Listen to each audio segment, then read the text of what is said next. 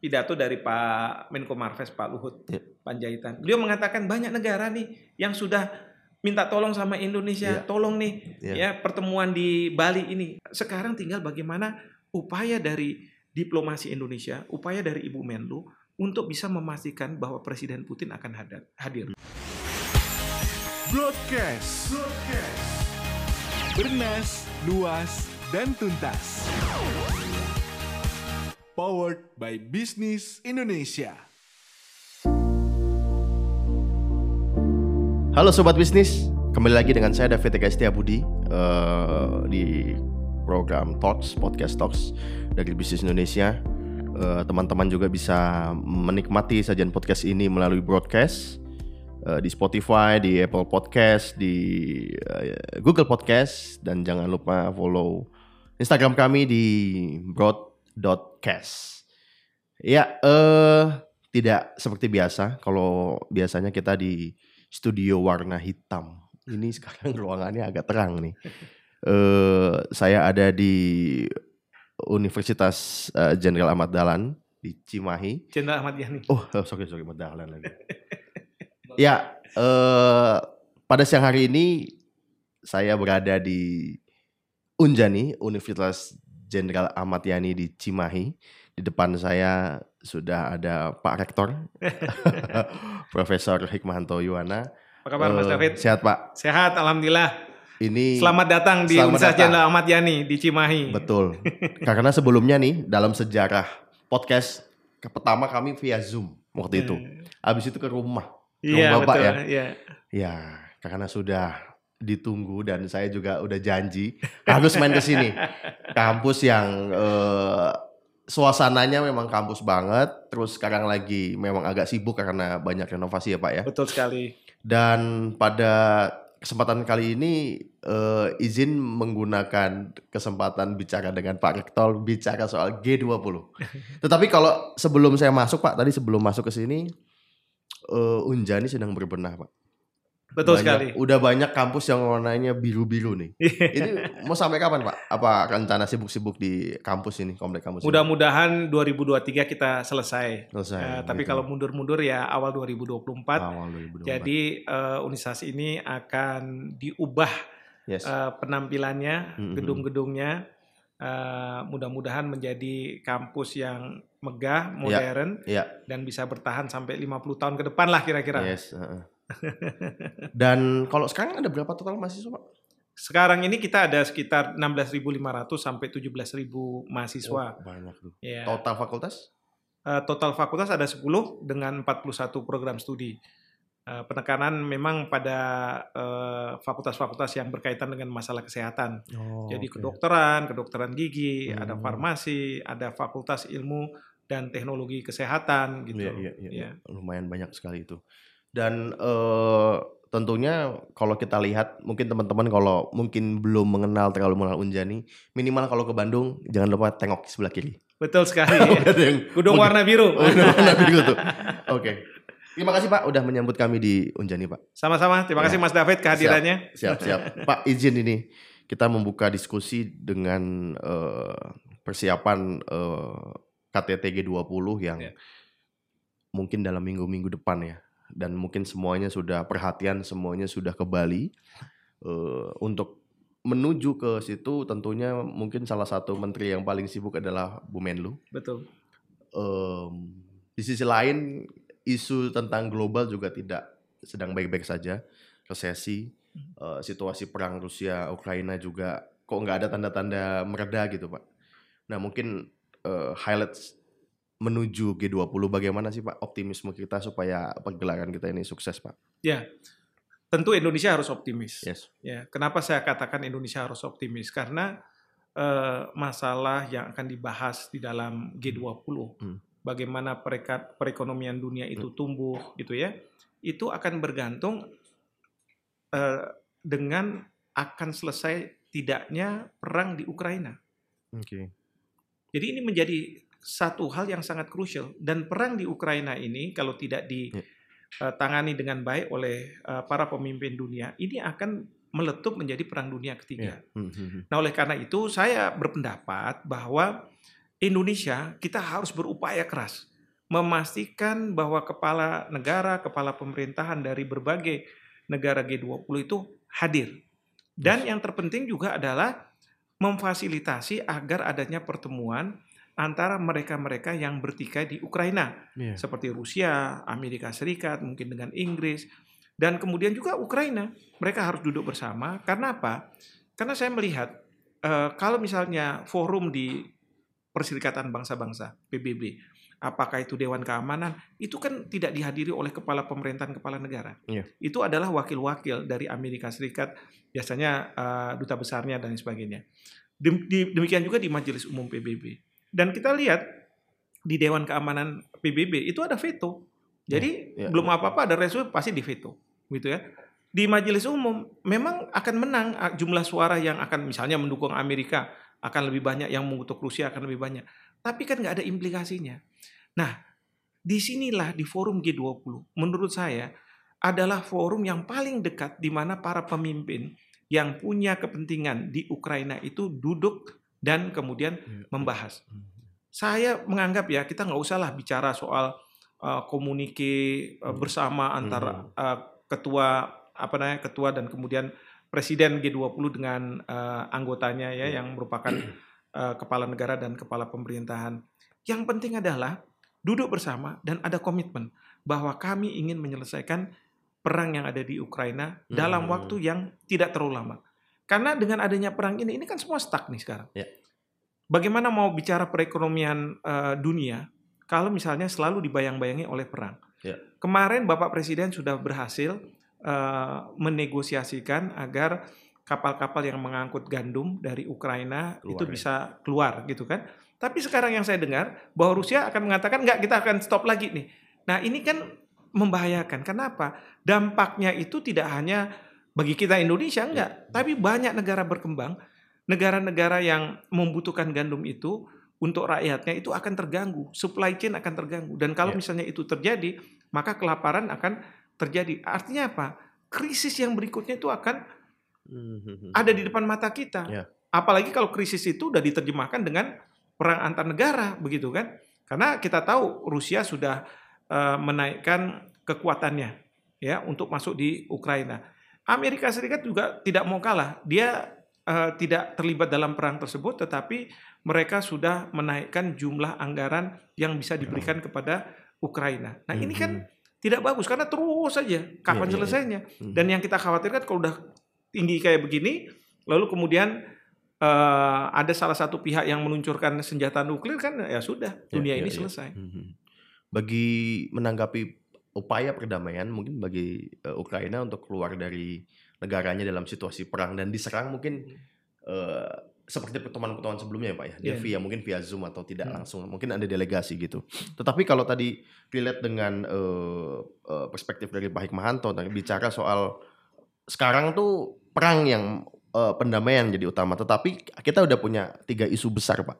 Eh, isu terhadap krisis, eh, sistem pembayaran, Hmm. keuangan internasional sama perdagangan. Hmm. Dan memang betul ketiga-tiganya bermuara dalam hari ini konteksnya di perang Rusia Iya. Ukraina gitu. Eh bagaimana tetap relevan Pak? Tiga semangat G20 di Indonesia dan eh, situasi hari ini supaya kita bisa tetap menyelaraskan itu Pak. Ya, sebenarnya ya kalau misalnya perang itu tidak ada itu sangat relevan.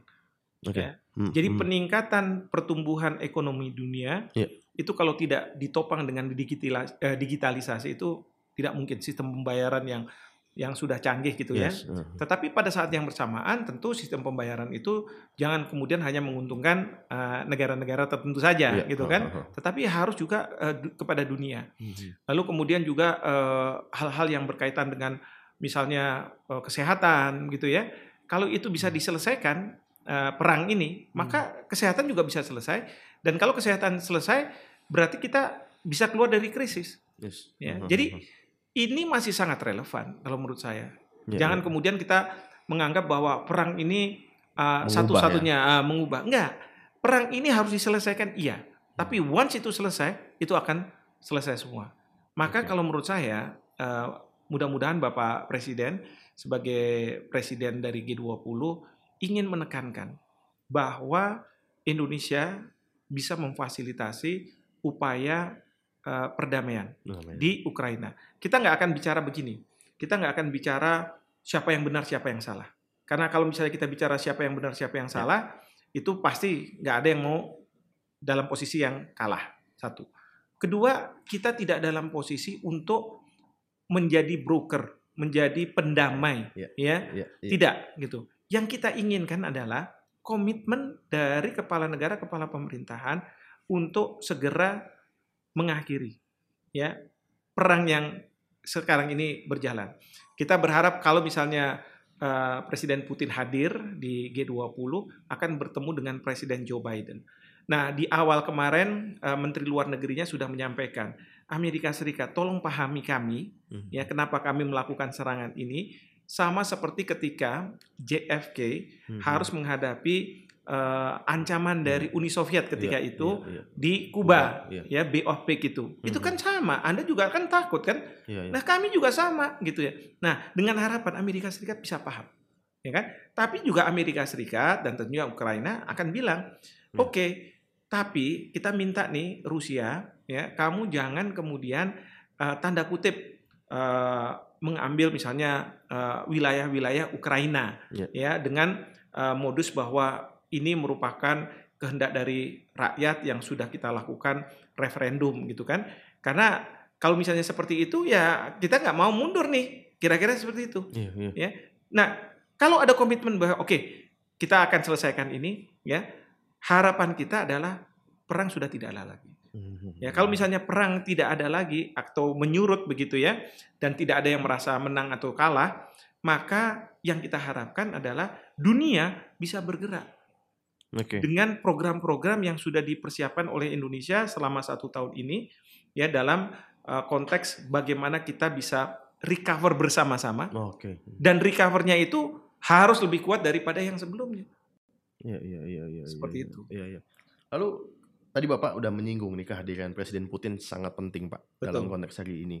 Tetapi keterbukaan apakah kehadiran eh, Presiden Putin seperti asumsi kita sebelumnya karena dalam pertemuan di tingkat delegasi menteri-menteri gitu sektoral banyak resi- resistensi di situ. Hmm. Atau mungkin tahun lalu waktu kita di eh, Italia G20 di Italia itu disebut- beberapa kepala negara menyebut nggak mau lah sebelahan dengan eh, Putin gitu. ya. Hmm.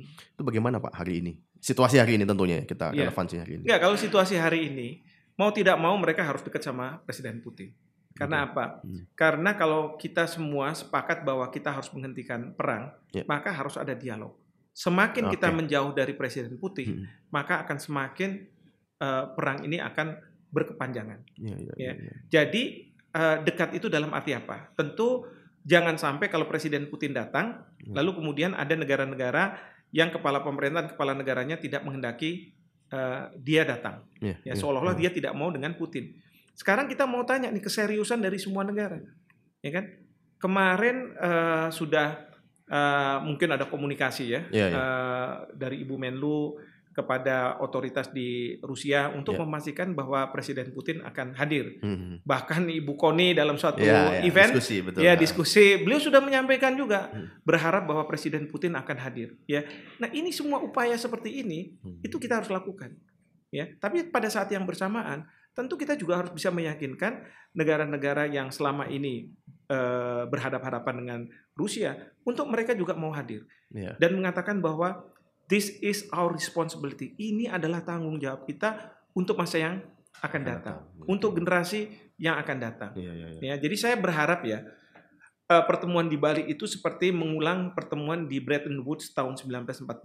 Oke. Memang di sana yang hadir untuk membicarakan masa depan dari dunia itu adalah negara-negara menang perang, ya sekutu. Hmm. Ya memang akan lebih mudah gitu kan eh, negara yang menang perang. Kalau sekarang ini kan belum ada yang menang, belum eh, belum ada Ya. yang menang dan belum ada yang kalah. Ya, ya. Semua dalam posisi yang boleh dibilang sama, ya kan? Tapi kalau mereka mau datang ke sini, ke Indonesia, ke Bali, lalu ke mereka, mereka duduk, ya, mereka ketemu 30 menit aja, itu disorot media, dimunculkan di dunia, itu akan membuat suasana lebih dingin Lebih dingin. ya betul, lebih dingin betul. dan kemudian tinggal sekarang bagaimana kita bisa eh, mencoba untuk di antara mereka mengurangi perbedaan-perbedaan. Hmm, Tapi hmm. komitmen mereka bilang kita akan harus akhiri ya perang yang sedang terjadi di Ukraina. Oke. mhm.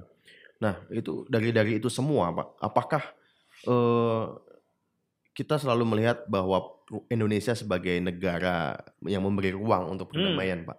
Ini juga menjadi momentum yang baik kalau melihat eh, penjelasan dari Pak Hikmahanto. Tetapi dalam konteks hari ini, eh, kehadiran pertama kali ketika misalkan asumsi kita bahwa Presiden Putin datang, berarti ruang atau bahasanya awan gelapnya itu sudah mulai hilang Hmm. ketika eh, forum diskusi itu eh, berlangsung, Pak. Ya. Tetapi ketika hari ini kita lihat di Uni Eropa sendiri eh, negara Jerman beberapa sudah nyiapin udah jangan manja pakai jaket double karena benar-benar gas pasokan gas kayaknya eh, masih kencang ya Uni Eropa, Pak. Dan maksud saya melihat hal itu juga gitu. Itu dapat dari perang kan? Ya, Pakai betul, betul, jet double. betul. Karena apa? Krisis energi. yes. Ya kan? Iya, Pak. Nah ini makanya harus selesai. Saya kemarin dengar ya ada pidato dari Pak Menko Marves Pak Luhut Ya. Panjaitan. Beliau mengatakan banyak negara nih yang sudah minta tolong sama Indonesia, Ya. tolong nih Ya. ya pertemuan di Bali ini. Ini betapa pentingnya. Menurut saya itu menunjukkan bahwa sebenarnya Mhm. Kalau dari level masyarakat, mungkin dari level birokrat gitu ya, Iya.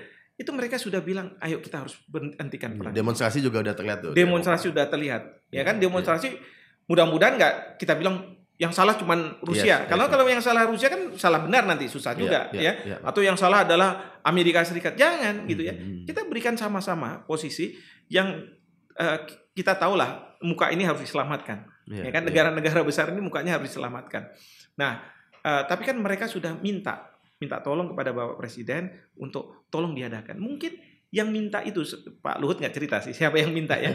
Tapi mungkin dari negara-negara barat yang terdampak nih rakyatnya. Iya, iya. lalu kemudian sekarang tinggal bagaimana upaya dari diplomasi Indonesia upaya dari Ibu Menlu untuk bisa memastikan bahwa Presiden Putin akan hadir. Mhm. Nah, kalau perlu eh, saya berharap Bapak Presiden bisa angkat telepon ke Presiden Putin Iya. untuk kemudian beliau mengatakan bahwa Presiden Putin kehadiran Anda sangat eh, penting ya bagi pertemuan kita dan eh, sangat dinantikan ya. Termasuk juga misalnya Presiden Cina. Karena Cina kemarin kan sempat marah Iya. sama Amerika Serikat. Iya. Maka mereka Presiden Xi Jinping ketemu sama Presiden Putin ya seolah-olah menunjukkan bahwa Amerika kalau kamu terus-terusan membuli saya nih soal Taiwan Iya, iya. ya saya bukannya nggak mau nih berkoalisi sama Rusia. Maksudnya. Nah ini semua kita harus dudukkan Ya. ya dalam agenda yang sangat padat itu yang memang sudah diatur apa namanya agenda-agenda formalnya. Nah saya selalu bilang bisa nggak kita buat sideline meeting ya pertemuan di luar agenda itu yang mempertemukan mereka-mereka yang bertiga bertikai Iya, iya. ya untuk membicarakan permasalahan ini. Ya, kemarin Pak Jokowi sudah mendeklar bahwa sejauh ini tinggal tiga negara nih yang belum konfirmasi, Pak. Nah, iya, iya, iya, iya. Nah, ini mungkin kita pakai hubungan, internasional, Pak. Hmm. Konteks konfirmasi Mm. eh, setingkat kepala negara tentunya tidak bisa dadakan karena Hmm. apalagi kita bicara G20 negara-negara besar. Betul.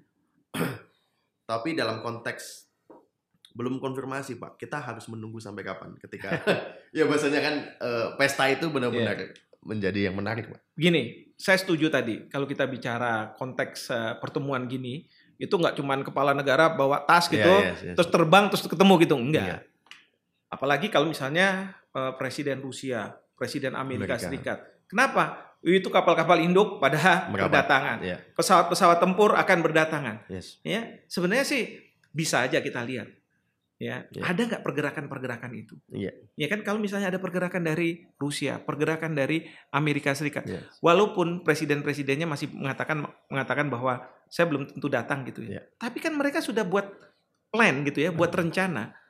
Kenapa? Jangan sampai tiba-tiba last minute dia bilang, "Oke, saya mau datang." Iya.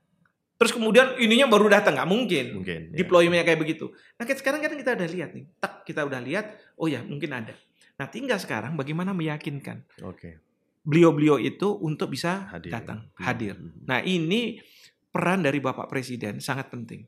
Karena eh, kalau misalnya level eh, antar Menlu gitu ya, Menlu ke Menlu, tolong ya diminta Presidennya hadir, nanti Menlunya ngomong. Iya. Kan itu birokrasi yang panjang. Iya. Ya kan? Tapi kalau misalnya Bapak Presiden bisa langsung kontak, lalu menyampaikan, ini agenda akan menentukan nasib dunia. Ini Hmm. agenda yang eh, akan menentukan apakah kita akan menghadapi krisis Yes, berikutnya atau Betul. tidak. Mhm. Nah, hal-hal yang seperti itu disampaikan oleh Bapak Presiden sendiri, saya yakin Iya, ya iya. eh, kita akan bisa eh, meyakinkan bahwa pemimpin-pemimpin itu akan hadir di akan hadir. Indonesia. Mhm. Sekali lagi ya, ini karena kalau di situ kan kita ketemu kayak begini nggak ada hak veto, nggak ada apa Iya, gitu. iya, kita iya. langsung aja langsung ngomong. Jadi apa yang jadi masalah? Dan selama ini yang saya tahu belum pernah ada pertemuan misalnya Presiden Putin dengan Presiden Joe Biden, Presiden Putin dengan Presiden Zelensky. Nggak ada pertemuan yang langsung. Mereka kan lewat media, Iya, ya iya. pernyataan-pernyataan dan sebagainya. Nah, kalau misalnya ini bisa dimanfaatkan oleh eh, beliau-beliau itu di mana di Bali Di nanti, Bali besok. wah ini sangat luar biasa, Iya, sangat luar iya, biasa, iya, iya. ya dan dan ini yang akan bisa menyelamatkan dunia. Kalau Mhm. karena kalau tidak di Bali, pertanyaan kita, forumnya mana lagi? betul. Ada nggak forum yang bisa mempertemukan mereka? Iya. Nggak ada. Dengan status Indonesia yang dikenal sebagai negara di tengah ya Pak ya. Betul. Nah itu yang saya selalu katakan, Hmm. kita harus konsisten dengan kebijakan luar negeri kita yang bebas aktif. Iya iya iya. Maka waktu awal-awal ada resolusi Majelis Umum PBB mengutuk Rusia dan Indonesia ikut Mendukung. mendukung. Wah, saya agak ngomel itu ya. Saya Iya, bilang iya. ini gimana ceritanya nih? Iya, Jangan saya bilang. Apalagi eh, resolusi itu disponsori oleh Amerika Serikat, Iya, gitu iya. kan? Heeh. Jadi kita dan kita jadi co-sponsor. Saya bilang nggak nggak benar itu kayak begitu itu. Hmm. Tapi alhamdulillah eh, itu tidak di eh, menjadi sesuatu yang menghalangi Presiden Putin untuk menerima Iya. presiden kita Iya. ketika kunjungan, Kunjungan Presiden ke sana. Jokowi Oh, kemarin kan. iya. Eh, Putin dengan senang hati menerima dan banyak bicara dan lain sebagainya. Mhm. Jadi itulah pentingnya kita ini menjalankan politik bebas luar negeri yang bebas aktif. Iya, iya Pak. Ini terlepas juga kemarin Bu Bu Menlu menyampaikan sudah ada 18 eh, komunikasi bilateral yang akan dilakukan eh, di acara besok gitu Pak. Dan eh, ketika bicara soal bilateral itu Mm-mm. dengan situasi potensi resesi ketakutan ini semua gitu. Dan mungkin resesi bagi Indonesia tidak terlalu banyak seperti Amerika ya Pak yang Iya. udah ratusan. Atau Inggris misalnya Atau ya. Indonesia yang baru berapa bulan gitu ya. Nah ini ini semenarik apa Pak pembicaraan bilateral ya Pak yang bisa lebih dipakai? Ya, sebenarnya pembicaraan bilateral ini kan untuk eh, karena ini pertemuan multilateral banyak Ya. negara Mhm. gitu ya. Mungkin saja bahwa dalam kesempatan yang sama eh, negara-negara bisa melakukan pertemuan-pertemuan bilateral, termasuk juga Indonesia memanfaatkan pertemuan ini Yes. Eh, dengan negara-negara yang hadir secara bilateral ya di samping juga negara-negara lain juga akan memanfaatkan Hmm. seperti itu Eh, menurut saya sih bagus untuk apa penguatan eh, dalam berbagai hal termasuk ekonomi antar negara ya kan Eh, supaya yang penting ada demand kalau ada Yes. demand Mhm. ada supply ada Mhm. supply ada lapangan pekerjaan lapangan pekerjaan berarti kita bicara soal kesejahteraan bagi masyarakat kesejahteraan bagi masyarakat berarti ada eh, kekuat apa daya beli masyarakat semakin kuat gitu kan. Iya iya iya. Nah, itu terus kita bergulir kayak begitu. Itu bagus. Tapi semua ini dari semua ini ah, Mas David tahu kan kuncinya dari mana kan? Di perang itu kan. ini yang harus selesai gitu ya. Ini yang harus kita eh, saya sih berharap eh, apa namanya eh, cukuplah kalau misalnya kepala pemerintah, kepala negara yang punya masalah itu duduk bersama. Ya. 30 menit aja, 30 menit Tiga menit. memberikan pesan bahwa kami berkomitmen untuk berdamai, Ya. menyelesaikan perang ini. Kalau melihat situasi ini kan resesi tidak hanya mengarah pada satu pihak ya Pak. Mm-mm. Dinamikanya di mana-mana tuh. Di mana-mana betul. Dan resolusi untuk kembali baik-baik saja juga diinginkan semua pihak. Betul. Menurut tafsir Bapak, eh, Presiden Putin akan hadir? Saya boleh bilang 80% katakan bahwa Presiden Putin akan hadir. Ya. Kenapa saya berani katakan 80%? Pertama, kalau Presiden Putin tidak hadir, justru Rusia akan lebih terpojok. Oke. Karena seolah-olah Presiden Putin lah yang tidak mau eh, mengakhiri perang ini, Hmm. berdamai dengan eh, negara-negara lain, Ya. ya kan? Kedua, sebenarnya ini tes untuk negara-negara Barat yang mendukung Oke. Ukraina bahwa kalau saya datang, kamu sekarang datang nggak? Oke. Kan begitu ya? Iya iya iya. Nah, jadi ini eh, dia akan coba seperti itu. Dia akan, akan buat semacam test case. Saya akan datang, ya kan? Saya akan lihat nih komitmen kamu seperti apa. Oke. Nah, itu yang kedua. Yang ketiga, Presiden Putin dalam berbagai kesempatan selalu uh, mengapresiasi Indonesia. Dan buktinya Bapak Presiden diterima oleh Presiden Putin Hmm. meskipun Indonesia pernah ikut dalam satu resolusi yang mengutuk Rusia. Iya, Ya kan? iya, iya. Artinya apa? Mungkin di situ Presiden Putin merasa bahwa Indonesia ini kalau misalnya jadi broker itu benar-benar honest bridge broker. Dia nggak punya kepentingan macam-macam. Iya, iya, iya, iya, iya, iya. Jadi karena tiga alasan itu, saya boleh bilang 80% Presiden Putin hadir. Iya. Dulu pernah duta besarnya mengatakan ya kita lihat situasi ya, karena kan ada pandemi gitu kan. Bisa aja kan pandemi dijadikan alasan. Iya, iya. Tapi hari ini. hari ini pandemi udah mulai surut ini. Bahkan yang saya dengar eh, pertemuan G20 nanti itu adalah eh, pertemuan yang istilahnya kita anggap tidak ada pandemi. Tanpa prokes gitu Nah, maksudnya. tanpa prokes. Tapi kalau misalnya ada yang mau pakai ya Iya, silahkan silakan, gitu ya. betul, Tapi prinsipnya adalah tanpa prokes, Iya, ya kan iya. protokol kesehatan. Hmm. Nah jadi eh, harusnya nggak jadi alasan ya kalau Iya. misalnya soal pandemi. Tapi sekarang tinggal komitmen dari Presiden Putin. Iya. Dan kalau misalnya Presiden Putin datang, itu dunia akan mengapresiasi, Yes. ya kan? Justru yang akan repot itu adalah Presiden Amerika. Kalau kita main catur, dia udah datang nih, masa saya mundur gitu tetap? Iya, atau iya. misalnya negara-negara lain. Nah, di sini akhirnya kan mereka akan ketemu. Nah, bahwa nanti tidak ada misalnya ya joint communique antar negara G20 udahlah itu nomor dua kalau menurut Ya. saya. Nomor satu adalah mereka bisa duduk dan kemudian sedikit membicarakan mengenai masalah Tapi sorry perang Pak, soal joint communique ini Pak, eh, penting sepenting apa Pak dalam setiap KTT gini kalau G20? Ya kalau misalnya dalam situasi normal sih sangat penting sehingga kita Oh. punya komitmen bersama. Iya, kan iya, begitu iya, kan? Iya, iya. Nah, kalau misalnya dalam situasi sekarang ini ya karena mungkin masih ada perasaan-perasaan yang kurang pas Iya, begitu ya. iya. Nah, itu akan sulit untuk kita buat joint communique. Tapi kalau misalnya ada pertemuan antara Putin, Joe Biden, Hmm. eh, Ukraina dan beberapa negara lainnya lalu kemudian mereka sepakat untuk eh, apa namanya mengurangi intensitas perang akhirnya sampai berdamai gitu ya. Itu yang kemudian dijadikan joint communique, ah itu bagus juga. Bisa Oke, juga. iya, Jadi iya, negara-negara akan mendukung apa yang disepakati iya. oleh negara-negara yang bertikai. Oke, oke, ya, oke. Ya, kita harapkan apa yang menjadi eh, apa ya? Harapan kita semua tentunya G20 semuanya hadir. Meskipun eh, tadi seperti saya sampaikan bahwa Pak Jokowi masih menunggu tiga negara yang konfirmasi. Kalau di kepala tiga negara itu satu lagi siapa? Nah itu dia. satu lagi ya. Kalau misalkan kita pengandengannya satu lagi siapa ya? Yang pasti Australia karena ada eh, pergantian perdana Oh, iya, menteri iya. sudah Brazil- komit akan. Brazil Pak. Brazil kan karena baru pergantian tahun depan ya. Iya. Sebenarnya sih kalau saya ngelihat ya tiga negara ini, Iya, iya. ini dugaan saya nih ya, Iya, iya. Amerika, Iya. Rusia, Rusia. dan Cina. Oh, Cina. Cina. Itu yang paling ditunggu ya, Pak. Iya. Tiga tamu agungnya. iya, ini karena Cina itu pegang kartu truf. Kartu trufnya itu maksudnya begini. Hmm. Kalau Cina ya, Ya. eh, dia bisa berpihak ke Rusia, Hmm. eh, tapi di- dia juga bisa netral kan Ya, gitu. ya. Kalau Amerika Serikat kan berharap dia netral aja, Yes. jangan berpihak ke Rusia. uh-huh. Tapi kalau dari sisi Rusia, dia kepingin bahwa Cina itu ada di belakang Rusia dalam hal seperti ini kan gitu. Nah jadi tiga konfirmasi ini ya ini yang mungkin ditunggu oleh Bapak Presiden. Kalau Ya, mohon maaf ya kalau misalnya Inggris, Jerman gitu, ya. uh, kalau menurut saya dalam konteks kayak eh, seperti sekarang ini uh, ya kurang relevan, bukan tidak Iya, penting, iya, tapi iya. kurang relevan.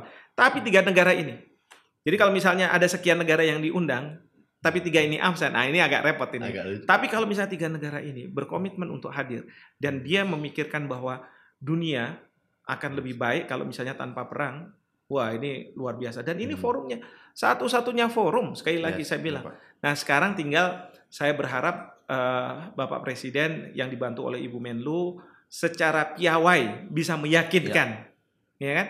Saya yakin ada kecerdikan, kecerdasan tertentu sehingga eh, tiga kepala pemerintahan, kepala negara ini hadir di Indonesia. Ya, ya, ya.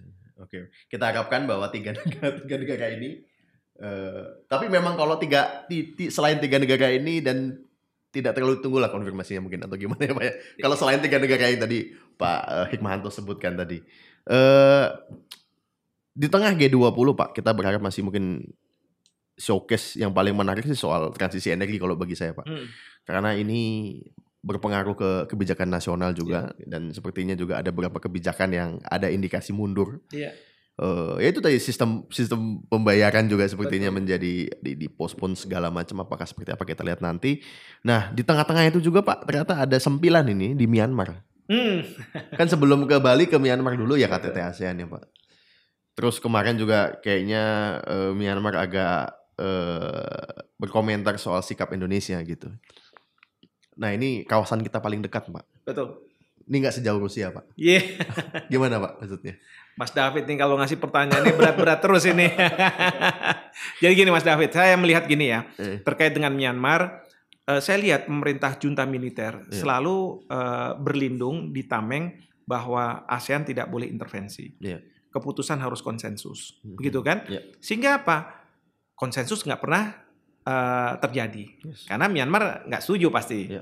Yang kedua bahwa intervensi juga tidak bisa dilakukan, ya kan? Karena kita merasa bahwa iya memang di dalam piagam PBB itu ada prinsip non intervention, ya kan? Nah, lalu apa? Saya kalau boleh usulkan adalah kita melakukan apa yang disebut sebagai responsibility to protect, Ya. R2P. Ya, itu, Pi. R2P tapi dengan catatan jangan menggunakan kekerasan. R2P kita gunakan dengan embargo-embargo Yes. ekonomi. Mhm. Kita kucilkan Myanmar. Nah, orang akan bilang, bukankah ini nanti intervensi? Oh enggak, ini enggak intervensi. Karena konsep dari R2P itu, responsibility to protect, to protect apa? Ya. Fundamental rights dari rakyat di suatu negara. Mhm. Kalau mereka dizolimi. Dan kalau kita sepakat bahwa negara-negara ASEAN ini melihat rakyat di eh, Myanmar itu banyak dizolimi oleh junta militer, maka kita akan mengatakan bahwa kita menggunakan R2P ini. And that is not intervention. Itu bukan intervensi. Oke. Ya, karena kita dalam rangka melindungi Mhm. rakyat yang tertindas. Ya. Dan kita tidak boleh membiarkan rakyat tertindas, hak asasi manusia dan lain sebagainya, dan seolah-olah tidak ada masalah. Nggak boleh. Nah, artinya apa? Dunia akan juga meng- me- mengendorse, menyetujui apa yang akan dilakukan oleh ASEAN. Mhm. Tapi jangan gunakan kekerasan, karena di eh, lingkungan negara-negara ASEAN kita tidak punya Ya. eh, pengalaman, tidak punya tradisi untuk masuk ke suatu negara dengan kekerasan. Nggak seperti Hmm. kayak misalnya Amerika Serikat mungkin masuk ke tempat-tempat tertentu ya di Ya. Afrika dan lain Hmm. sebagainya. Nah oleh karena itu eh, eh, yang kita lakukan adalah kita lakukan dengan sanksi ekonomi, kita kucilkan, kita ini dan lain sebagainya, Hmm. sampai dengan pemerintah junta militer mau duduk bersama dengan rakyatnya Ya, ya, betul. yang pro terhadap demokrasi. Mhm. Kalau perlu nanti baru di situ ada orang-orang yang ditunjuk oleh ASEAN yang menjadi mediator. Dia tuh. Ya, Ya. ya, ya, ya. Tapi kita harus keluar nih dari sini. Apalagi Indonesia akan menjadi ketua ASEAN. Kasihan. Jadi kalau nggak dari sekarang kita sudah memikirkan, Ya. ya nanti kita jadi ketua ASEAN, ya orang bilang ini ASEAN isunya sih ekonomi ini dan sebagainya, tapi isu krusial aja nggak bisa diselesaikan terkait dengan Myanmar, Mhm. ya kan? Tapi kalau Bapak Presiden sukses di Bali karena menghadirkan bisa mempertemukan, Iya, iya, iya. oh pantas ini Bapak Presiden pasti akan bisa menyelesaikan mengenai masalah Myanmar. Myanmar. Itu, Mhm. Dan kalau bicara soal ini kan konflik internal ya Pak ya, ya, Ya, dalam negeri lah ya. Ya. Dan kalau dengan pendekatan embargo ekonomi bahasanya dan mungkin perang paling modern ya ekonomi ya Pak, Ya. ya. mencerahkan dia, dia men- menahan di ekonomi dan kalau kita lihat bagaimana pelajaran-pelajaran mana saja Pak yang mungkin dalam kurun 10-20 tahun terakhir yang sukses dengan R2P ini Pak. ya. Eh, embargo-embargo ekonomi meredakan situasi Ya. konflik Pak. Gini, kalau embargo ekonomi sebenarnya tidak didasarkan pada R2P. Oke. Ya, Mhm. eh, selama ini eh, embargo ekonomi itu karena ada resolusi Dewan Keamanan PBB Oke. atau yang terhadap Rusia, Amerika menghimbau Mhm. negara-negara untuk mau melakukan embargo ekonomi. Ada yang Hmm. mau, ada yang nggak mau kan gitu Iya, ya. iya. Kita diminta tapi kita nggak mau misalnya Ya. gitu. Mhm. Eh, tetapi yang R2P lalu kemudian eh, dilakukanlah proses di sana itu biasanya dengan menggunakan kekerasan dengan senjata.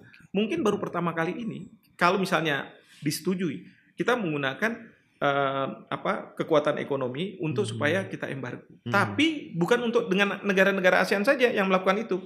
Kita akan Semua. minta ke negara mitra ASEAN terutama Cina. Karena dari Myanmar mungkin mereka merasa bahwa saya diembargo sama Indonesia sama Amerika dan lain sebagainya apa-apa kok sepanjang jangan sama Cina. Tapi kalau misalnya Cina juga melakukan hal yang sama, kita bisa yakinkan Cina Mhm. bahwa Anda punya peran ya untuk menyelesaikan masalah di Myanmar.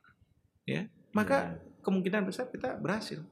ASEAN. Dan sebagai salah satu ya mungkin ya eh, sosok atau negara yang paling berpengaruh di ASEAN, kita punya apa ya eh, kepentingan untuk mendamaikan satu kawasan kita ya Pak ya dalam dalam arti di Myanmar ini karena Oh kan Myanmar iya. agak lama kan ini dari tahun lalu belum. Iya, ini test case ini untuk ASEAN. Oke. Jadi selama ini ASEAN kita bicara soal apa namanya? Kalau komunisme ya semualah Iya, dulu iya, kan iya. kita sama gitu ya. Lalu kemudian masalah ekonomi kita bisa Ya. selesaikan. Tapi bagaimana mungkin ada ekonomi bisa berkembang, bisa tumbuh kalau misalnya stabilitas keamanan tidak terjadi. terjadi. Mm-mm. Nah, ini jadi test case. Masalah di ASEAN, masalah yang sangat krusial bisa nggak diselesaikan oleh ASEAN sendiri. Mm-mm. Dunia bertanya, ya kan? Jangan cuman oh nanti kita harus bilang PBB yang harus turun dan lain Iya. sebagainya. Wah, panjang juga nanti kalau urusannya ke sana. Hmm. Tapi sekarang bagi kita di ASEAN adalah bisa nggak kita menyelesaikan masalah yang ada di rumah kita sendiri, Gila gitu. ya kan? Iya iya iya. Nah, ini harus ada kreativitas juga berpikir bagaimana kita tidak mem- eh, melanggar prinsip non intervensi, ya kan? Bagaimana kita tidak eh, melanggar prinsip harus kalau pengambilan keputusan Ya. harus konsensus. Tapi kalau kita bicara kita sebagai negara ASEAN perlu melindungi eh, rakyat yang dilanggar hak asasi manusianya oleh misalnya suatu pemerintahan. Karena apa? Menurut hukum internasional ada Mhm. responsibility to protect. Ya, jadi kita punya kewajiban ini. Bukan hak kita, tapi kewajiban. Kita harus melakukan itu karena eh, apa muncul dari eh, ketentuan yang Ya. katakanlah memang eh, diwajibkan oleh hukum internasional. Oke, oke, oke. Ya kita kita kita harapkanlah eh, November ini tidak menjadi November Rain. Kita harap eh, mungkin rangkaian kesibukan eh, kepala negara, Menlu eh, dan Bu Retno juga kemarin sampaikan akan sekali lagi berjumpa atau rapat dengan Presiden Jokowi bicara soal G20. Terus sebelum G20 juga eh, Presiden eh, juga akan menghadiri KTT ASEAN eh, dan ini juga menjadi momentum untuk apa ya bukan menyelamatkan tetapi menjaga harmonis di kawasan ASEAN. Pak Hikmahanto Yuwana terima kasih untuk Terima kasih Mas waktunya. David. Eh, kesempatan jalan-jalan ke kampus tentunya menimbulkan harapan untuk kembali bimbingan. Skripsi. Suasana itu ya. suasana itu. Oke sobat bisnis eh, sampai jumpa dengan eh, narasumber lainnya dan isu-isu lainnya